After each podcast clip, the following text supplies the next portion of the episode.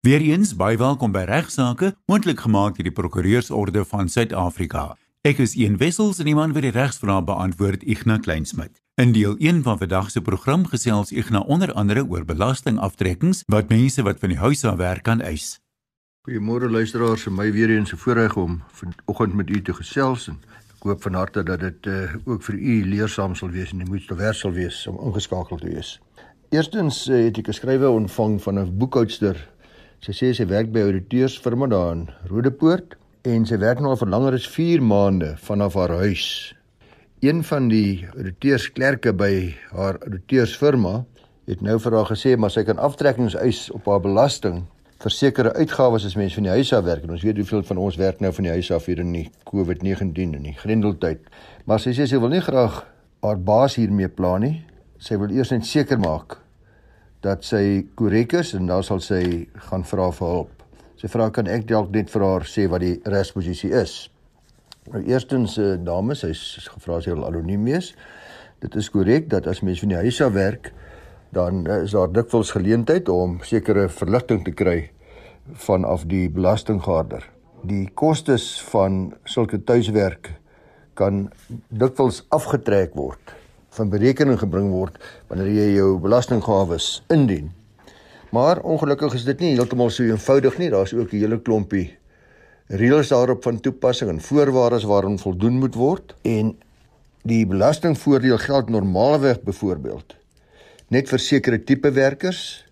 Dis nou mense wat op kontrak werk, wat regte van die huis af permanent werk of voltydse werkers wat 'n baie groot deel van hulle uh, werkstyd by die huis deurbring soos byvoorbeeld ek dink meer as 50% van hulle gemiddelde werksure en natuurlik is daar ook nadat die pandemie nou uitgebreek het is daar baie mense wat van die huis af werk maar ook nie voldag van die huis af werk nie maar net 'n gedeelte van die dag en die res van die dag ook huistake verrig ensovoorts of net elke tweede dag byvoorbeeld.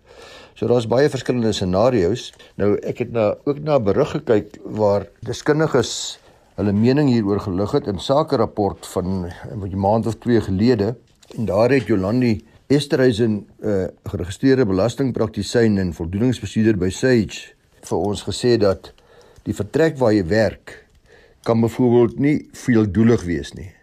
Sy sê as jy dis nie afsonderlike vertrek soos 'n permanente studeerkamer het nie en jy gebruik byvoorbeeld net jou kombuistoonbank of jou eetkamertafel of jy sit sommer daar by rusbank vir die TV en werk dan is die belastingverligting nie vir jou beskore nie. Dis wat Jolandi sê. Dan is daar ook 'n uh, Yoon Chong, hy's 'n belastingkundige en 'n vernoot prokureur daar by Weber Wensel. Hy sê weer belastingbetalers kan eise wat verband hou met tuiswerk indien, maar onthou dat daar's baie stawende dokumentasie nodig. Dit sluit in fakture vir al jou uitgawes, 'n ontleningsstaat van die getal dae wat jy inderdaad tuis gewerk het, ook 'n bewys dat daar ooreengekom is met jou werkgewer waarin jy aangesê word om vanaf die huis te werk, aan die ander wyse die briefwisseling die korrespondensie en dan as jy wel kwalifiseer en dis belangrik bepaal die oppervlakte van hierdie tuiskantoor van jou, hierdie besonderlike werksplek wat jy ingerig het of wat reeds daar was. Bepaal dan die persentasie van die uitgawes ten opsigte van jou huis wat jy kan terughuis. Met ander woorde as jy huurgeld byvoorbeeld betaal sou 'n persentasie daarvan wees. Met ander woorde as jy vertrek 20% van jou oppervlakte beslaan, kan jy byvoorbeeld 20% van jou lopende uitgawes eis. In die geval van 'n huurder ook 20% van die huurgeld kan jy as aftrekking van jou belastingplig vra. Maar hy wys ook daarop daar's belastingslaggate want eintlik haal jy ontvanger jou dikwels maar weer in die dag as jy jou huis verkoop, dan gaan daardie deel wat jy as kantoor geëis het, wat jy gebruik het, nie deel vorm van die vrystelling van wat tans 2 miljoen rand is waar jy byvoorbeeld nie kapitaalwinsbelasting sou betaal nie. So wees maar versigtig. Jolande Estreys en raai mense ook heeltemal tereg aan om maar eers somme te maak voordat hulle sonder meer 'n eis vir tuiswerk indien Weeg maar op wat die voordeligste is. As jy nou jou geld gaan terughuis, kan jy nie die volle voordeel kry as jy jou huis verkoop nie en andersom. So maak maar seker dat die kundige advies by die ouditeur of die prokureur kry as jy wel sou besluit jy wil die voordeel van tuiswerk gebruik vir belastingverligting. Ja, Ian en luisteraars, ek het so jare wat gelede in 'n program gevra of ons weet wat alles in ons patties is en in ons boerewors is wat ons eet en sekere ander gemaalde geregte en ek het nogal baie reaksie op daardie program gekry. Ek want ek dink of ons dit nou wil weet of nie. Daar's min van ons wat nie al onwetend 'n bietjie waterbuffel of perdevleis of haas of kangaroo of wat ook nogal by ons monde ingeneem het nie. En ek het toe verwys na die bevinding van die universiteit wat op daardie stadium vleisprodukte ondersoek het en wat nogal tot redelike skokkende gevolgtrekkings gekom het. En vir die hele ruk het ons almal maar katvoet geloop op daardie stadium wanneer ons met uh, vleisprodukte omgaan. Nou, katvoet is dalk nou nie die regte woord om te praat wanneer ons oor uh, snaakse goed in ons kos praat nie, van ons vleis praat nie. Maar nou ja, die vraag is of daar remedies is in ons regstelsel in Suid-Afrika as jy byvoorbeeld sulke produkte koop wat uh, aangedui word as suiwer terwyl dit glad nie suiwer is nie. Ek het toe vertel dat min van ons bewus is van die wet op veiligheid van vleis van 2000 En 'n baie belangrike bepaling van hierdie wet is dat die in- of uitvoer van vleis aan die vereistes van hierdie wet moet voldoen. Op hierdie wyse kan dan nou waterbuffel of uh, rotte of uh, wat ek nog al dit mag wees, honde, paddavleis of enige ander vleis wettiglik ingevoer word onderhewig daaraan dat die wetgewing behoorlik nagekom moet word. Die feit dat vleis wettig in Suid-Afrika is, beteken natuurlik ook glad nie dat dit wettig in enige produk gebruik kan word nie. Ook hier is daar heelwat verbruikersbeskerming.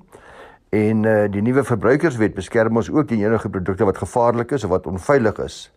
En dieselfde wet sê ook dat almal in die afleweringsketting, anderswoorde van die persoon wat gemaak het tot gelewer het, afgelewer het, almal in hierdie ketting skuldig is indien daar oortreding is as gevolg waarvan u en ek as verbruiker skade ly omdat 'n produk dan nou gevaarlik was of ons siek gemaak het of uh, gebrekkig is nie in die wetgewing voldoen het nie. Nou let wel ek sê nie hiermee dat waterbuffel vleis of perdevleis of watter vleis ook nogal 'n uh, zebra of iets gevaarlik is of onveilig is nie. Maar wat ek sê is dat ons beskerm word met betrekking tot die regulasies wat van toepassing is op kosprodukte en wat bepaal dat ons moet weet presies wat ons koop. Dit is wat etikette moet bevat met ander woorde. Dis duidelik dat etikette moet eerlik wees betrekking tot die inhoud daarvan en ook al die bymiddels wat in verskillende produkte gebruik word. Dis nie net van toepassing op vleis nie. Nou toegang tot veilige en bekostigbare voedsel by die algemeen, luisteraars, is uh, vir ons baie baie belangrik. En ek het weer eens vir Willem van der Merwe by ons kantoor gevra om 'n bietjie navorsing te doen en so 'n bietjie vir ons luisteraars en vir my ook 'n bietjie meer inligting te gee, want ons verwag en verdien beskerming teen die risiko's wat van wat alles in kos voorkom. En daarom is die toepaslike reguleringsstelsels vir ons almal baie belangrik. Ons moet eers onthou dat Suid-Afrika aan die Codex Alimentarius Kommissie behoort. Codex Alimentarius Kommissie. Die kommissie is in 63 al gestig 1963 deur Voedsel- en Landbouorganisasies en die Wêreldgesondheidsorganisasie. En die doel was om internasionale voedselstandaarde en riglyne te ontwikkel onder die gesamentlike voedselstandaarde program. Daar is dan doel ook van die Suid-Afrikaanse Departement van Gesondheid om uitvoering te gee aan hierdie kodeks standaarde in ons wetgewing. En die nasionale departemente is natuurlik die belangrike partye wat verantwoordelik is vir ons voedselwetgewing en vir ons beskerming. Dis onder andere die departement van landbou, bosbou en visserye, departement van nasionale gesondheid, die departement van handel en nywerheid. Vir al die gesondheidsdepartement vereis dat alle voedselsoorte veilig moet wees vir menslike gebruik. Gevolge die wet, nou as weer 'n ander wet, 'n wet op voedingsmiddels skoonheidsmiddels en ontsmettingsmiddels. Dis 'n wet van 1972, wet 54 van 1972. Ons praat altyd van die FCD wet. Hierdie wet handel oor die vervaardiging, die etikettering, die verkoop en die invoer van voedsel.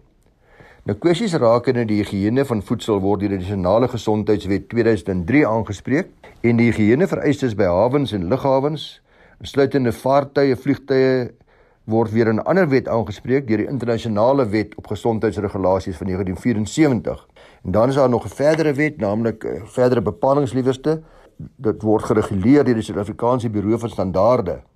Uh, hulle reguleer alle voedsel wat onder andere geblik word en moet daar toegesien word tot die veiligheid daarvan. So u sal sien omvangryke uitgebreide voedselwetgewing en dis alles gebaseer op die vraag of ons wat ons eet en wat ons koop of dit veilig is. Waar iets nie van nature in voedsel aanwesig is nie, byvoorbeeld 'n toevoegingsmiddel, dan word maksimum beperkings bepaal wat in baie gevalle dan bepaal word deur daai Codex Alimentarius waarna ek hier verwys het, daardie kommissie se bepalinge waarin van ons in Suid-Afrika 'n deel is.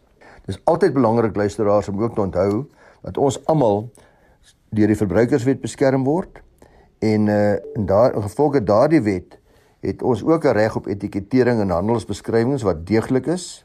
Etikette en beskrywings van produkte moet behoorlik vertoon word. Dit moenie misleidend wees oor die inhoud van die verpakking of die goedere wat aan die produkte geheg word nie. Verskaffers word nie toegelaat om handelsmerke en ander produketikette te verander, te wysig of te verberg of te verwyder nie uh met die oog daarop om verbruikers te mislei nie. So dit moet uh deursigtig wees. Produsente en invoerders van produkte of goedere moet die land van oorsprong, met ander woorde dis waar waarvan dit ingevoer is en enige ander voorgeskrewe inligting soos vervaldatums voorsien en met vervaldatums verneem ek dat daar dikwels bietjie oneerlikheid en stoutigheid is. Verder het verbruikers reg op goedere en dienste van baie hoë gehalte. Verskaffers mag nie die kwaliteit van hulle goedere en dienste op 'n diskriminerende manier verander nie. Verbruikers het die reg om gehalte van goedere en dienste aan te vra.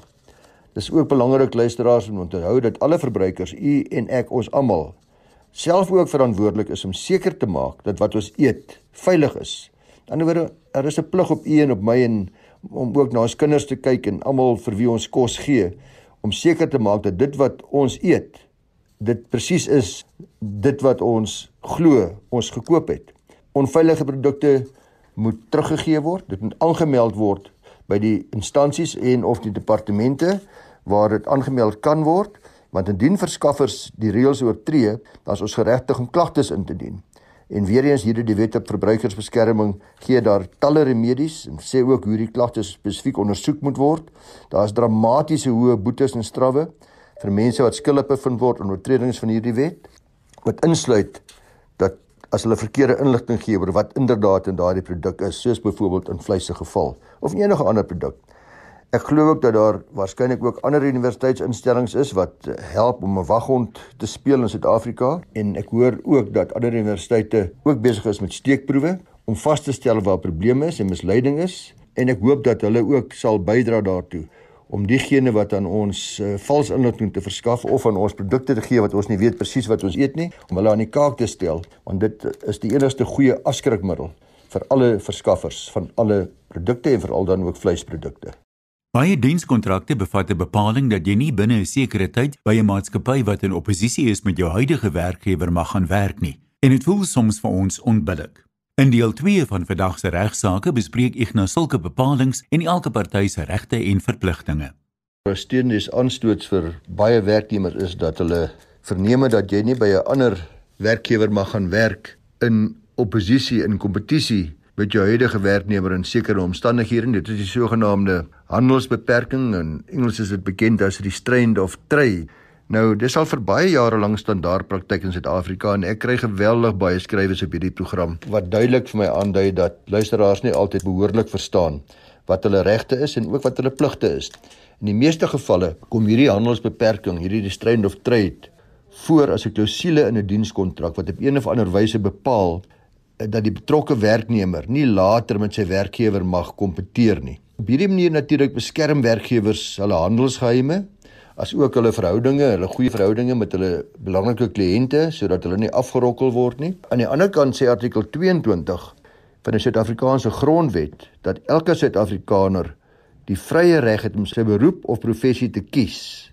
Die argument word dus geopper dat 'n handelsbeperking indruis teen die grondwet omdat dit dan nou 'n persoon verhoed om sy grondwetlike reg om enige plek te werk uit te oefen. Daar bestaan egter 'n groot hoeveelheid hofsaake baie goeie gesag tot die effek dat handelsbeperking wel afdwingbaar is in sekere omstandighede solank dit redelik is en nie teen openbare belang is nie.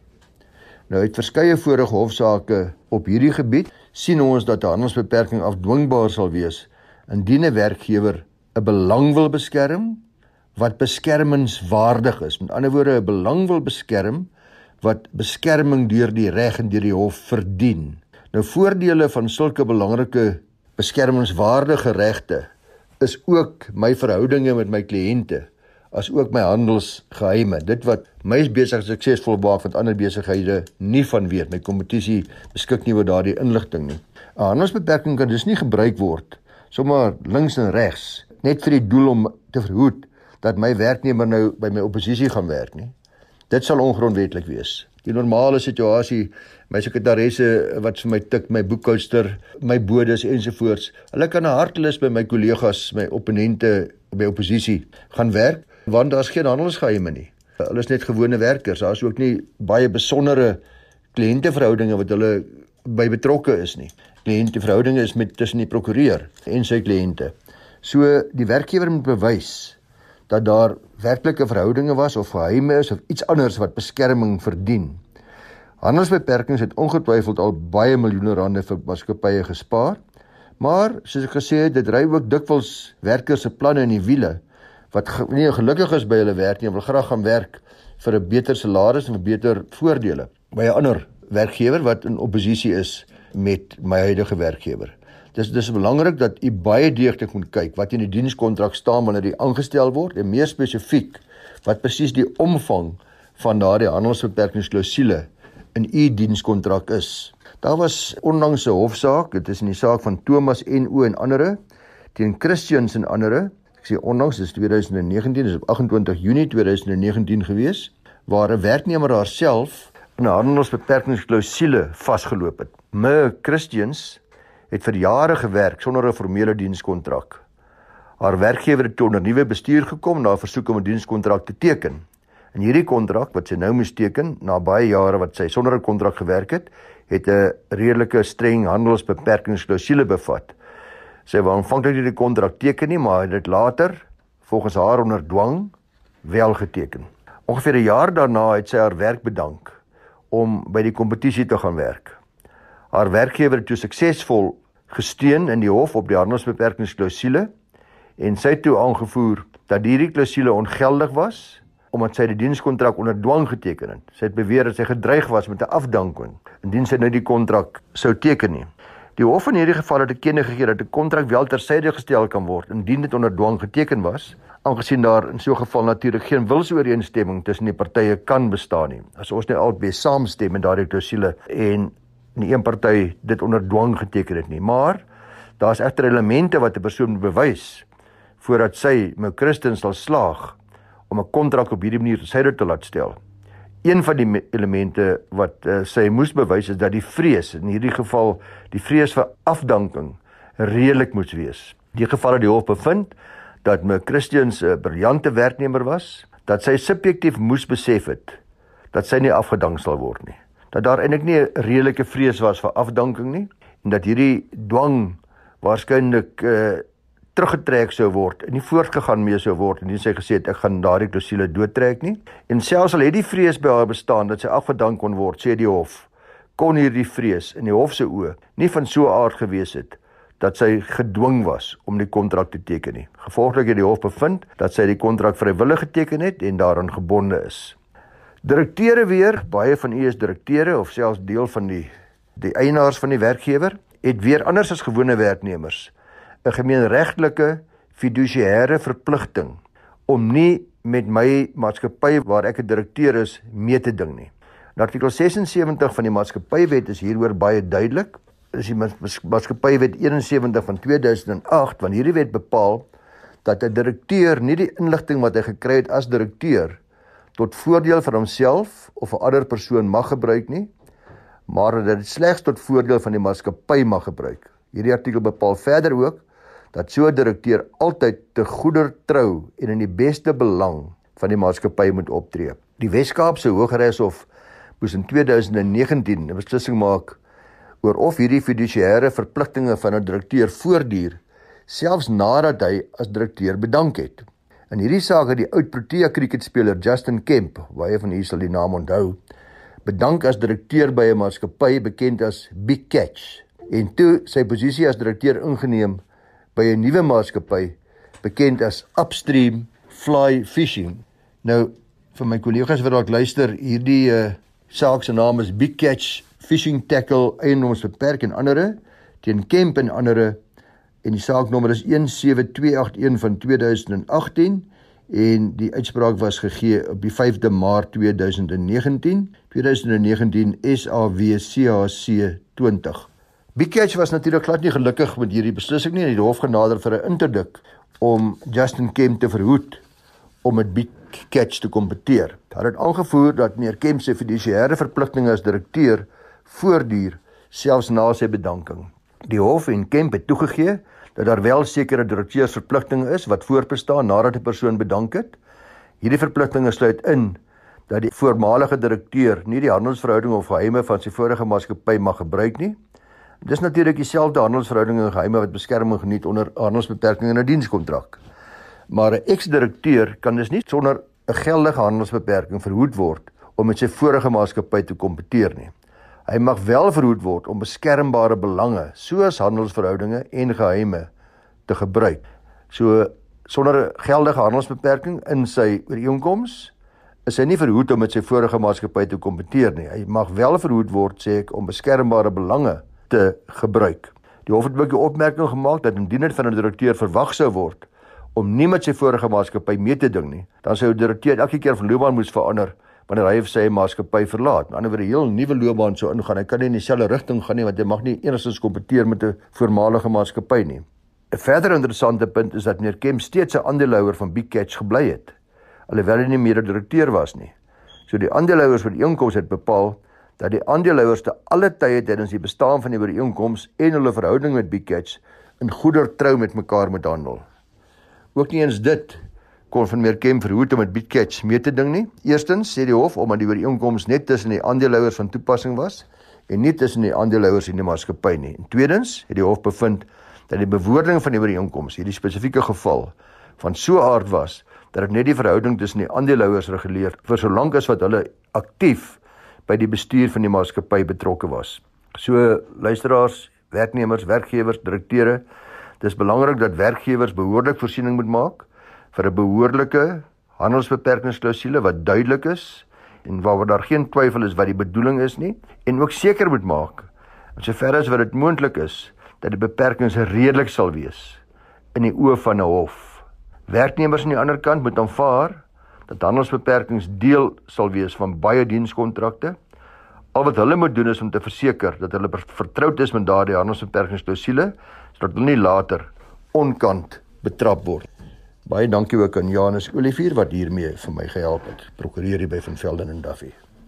Ion, jy sal onthou en getroue luisteraars sal onthou dat 'n paar jaar gelede ek 'n saak hanteer waar 'n hek op iemand geval het.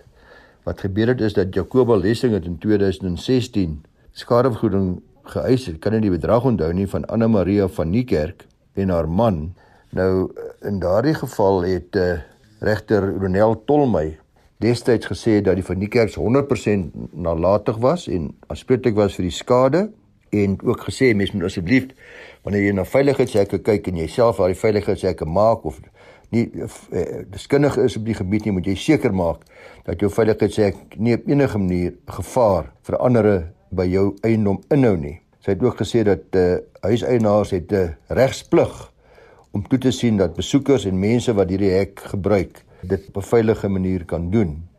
Ek het daardie saak ge gehanteer destyds en uh, die Verniekerk sê toe daarna geappeleer en uh, nou wil ek dan net in alle billikheid teenoor die Verniekerk sê dan net ook billik om te sê dat hulle hierdie appel mee geslaag het en dat hulle dus nie meer aanspreeklik is vir die skade soos deur die eerste hof bevind nie. Dit het gebeur meer as 4 jaar nadat die Gauteng hof bevind het hulle is wel verantwoordelik. Hierdie eh, persoon wat die eiseres was net om vinnig die feite te gee, het die skade ingestel nadat sy gevra is of toegelaat is om daar by die Verniekerks te woon omdat sy en haar dogter finansiëel baie swaar gekry het en daar's 'n kothuis daar by die Verniekerk en sy lesing was 'n alleen ouer gewees, 'n enkel ouer. Sy het net 'n ongeskiktheidstoelaag ontvang. Sy was onlangs geskei, sy het kanker gehad en tot 'n sekere mate het die Verniekerk sou oor haar ontferm. Hulle het toe ook haar dogter saam met hulle geneem op 'n kusvakansie en in daardie tyd het sy alleen agtergebly Jakoba Lessing en sy was na die honde kyk en In die proses van die honde kyk moes hy gereeld hierdie hek oopmaak en die honde was aan die ander kant van die hek en hierdie ongeluk het toe plaasgevind terwyl die vernikkers met vakansie was. Sy moes hulle gevoed het 'n paar keer per dag wat sy gedoen het vir die eerste paar dae en sy sê die vierde dag toe sy nou weer vir hulle gaan voed, hulle is aan die ander kant van die hek, het hierdie hek onverwags en sonder enige klaarblyklike rede omgeval en sy is redelik ernstig beseer. Haar rug is beseer, sy is hospitaal toe geneem. Daar was onder andere luisteraars se deskundige op sekuriteitshekke wat getuig het en uh die vernekerings aan die ander kant het gesê hulle kan dit glad nie verstaan nie.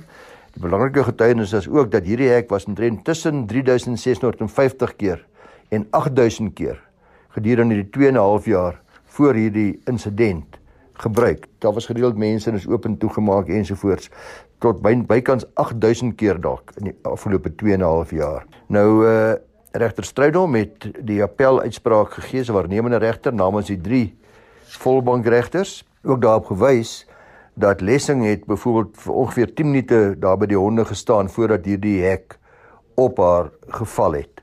So luisteraars die appel is gehandhaaf en die oorspronklike bevel dat sy verantwoordelik was dat die van die kerk verantwoordelik was vir die skade is toe inderdaad gekanselleer. Die hof sê dan ook dat die oorspronklike regter het uh, gefouteer deur te bevind dat daar enigstens nalatigheid was. Uh dis glad nie duidelik waarom hierdie hek geval het nie en onder watter omstandighede nie en wat alles daar gebeur het nie en dat dit beslis nie die van die kerk se fout was nie. So 'n mooi einde vir die van die kerk, 'n minder goeie einde vir Melessing.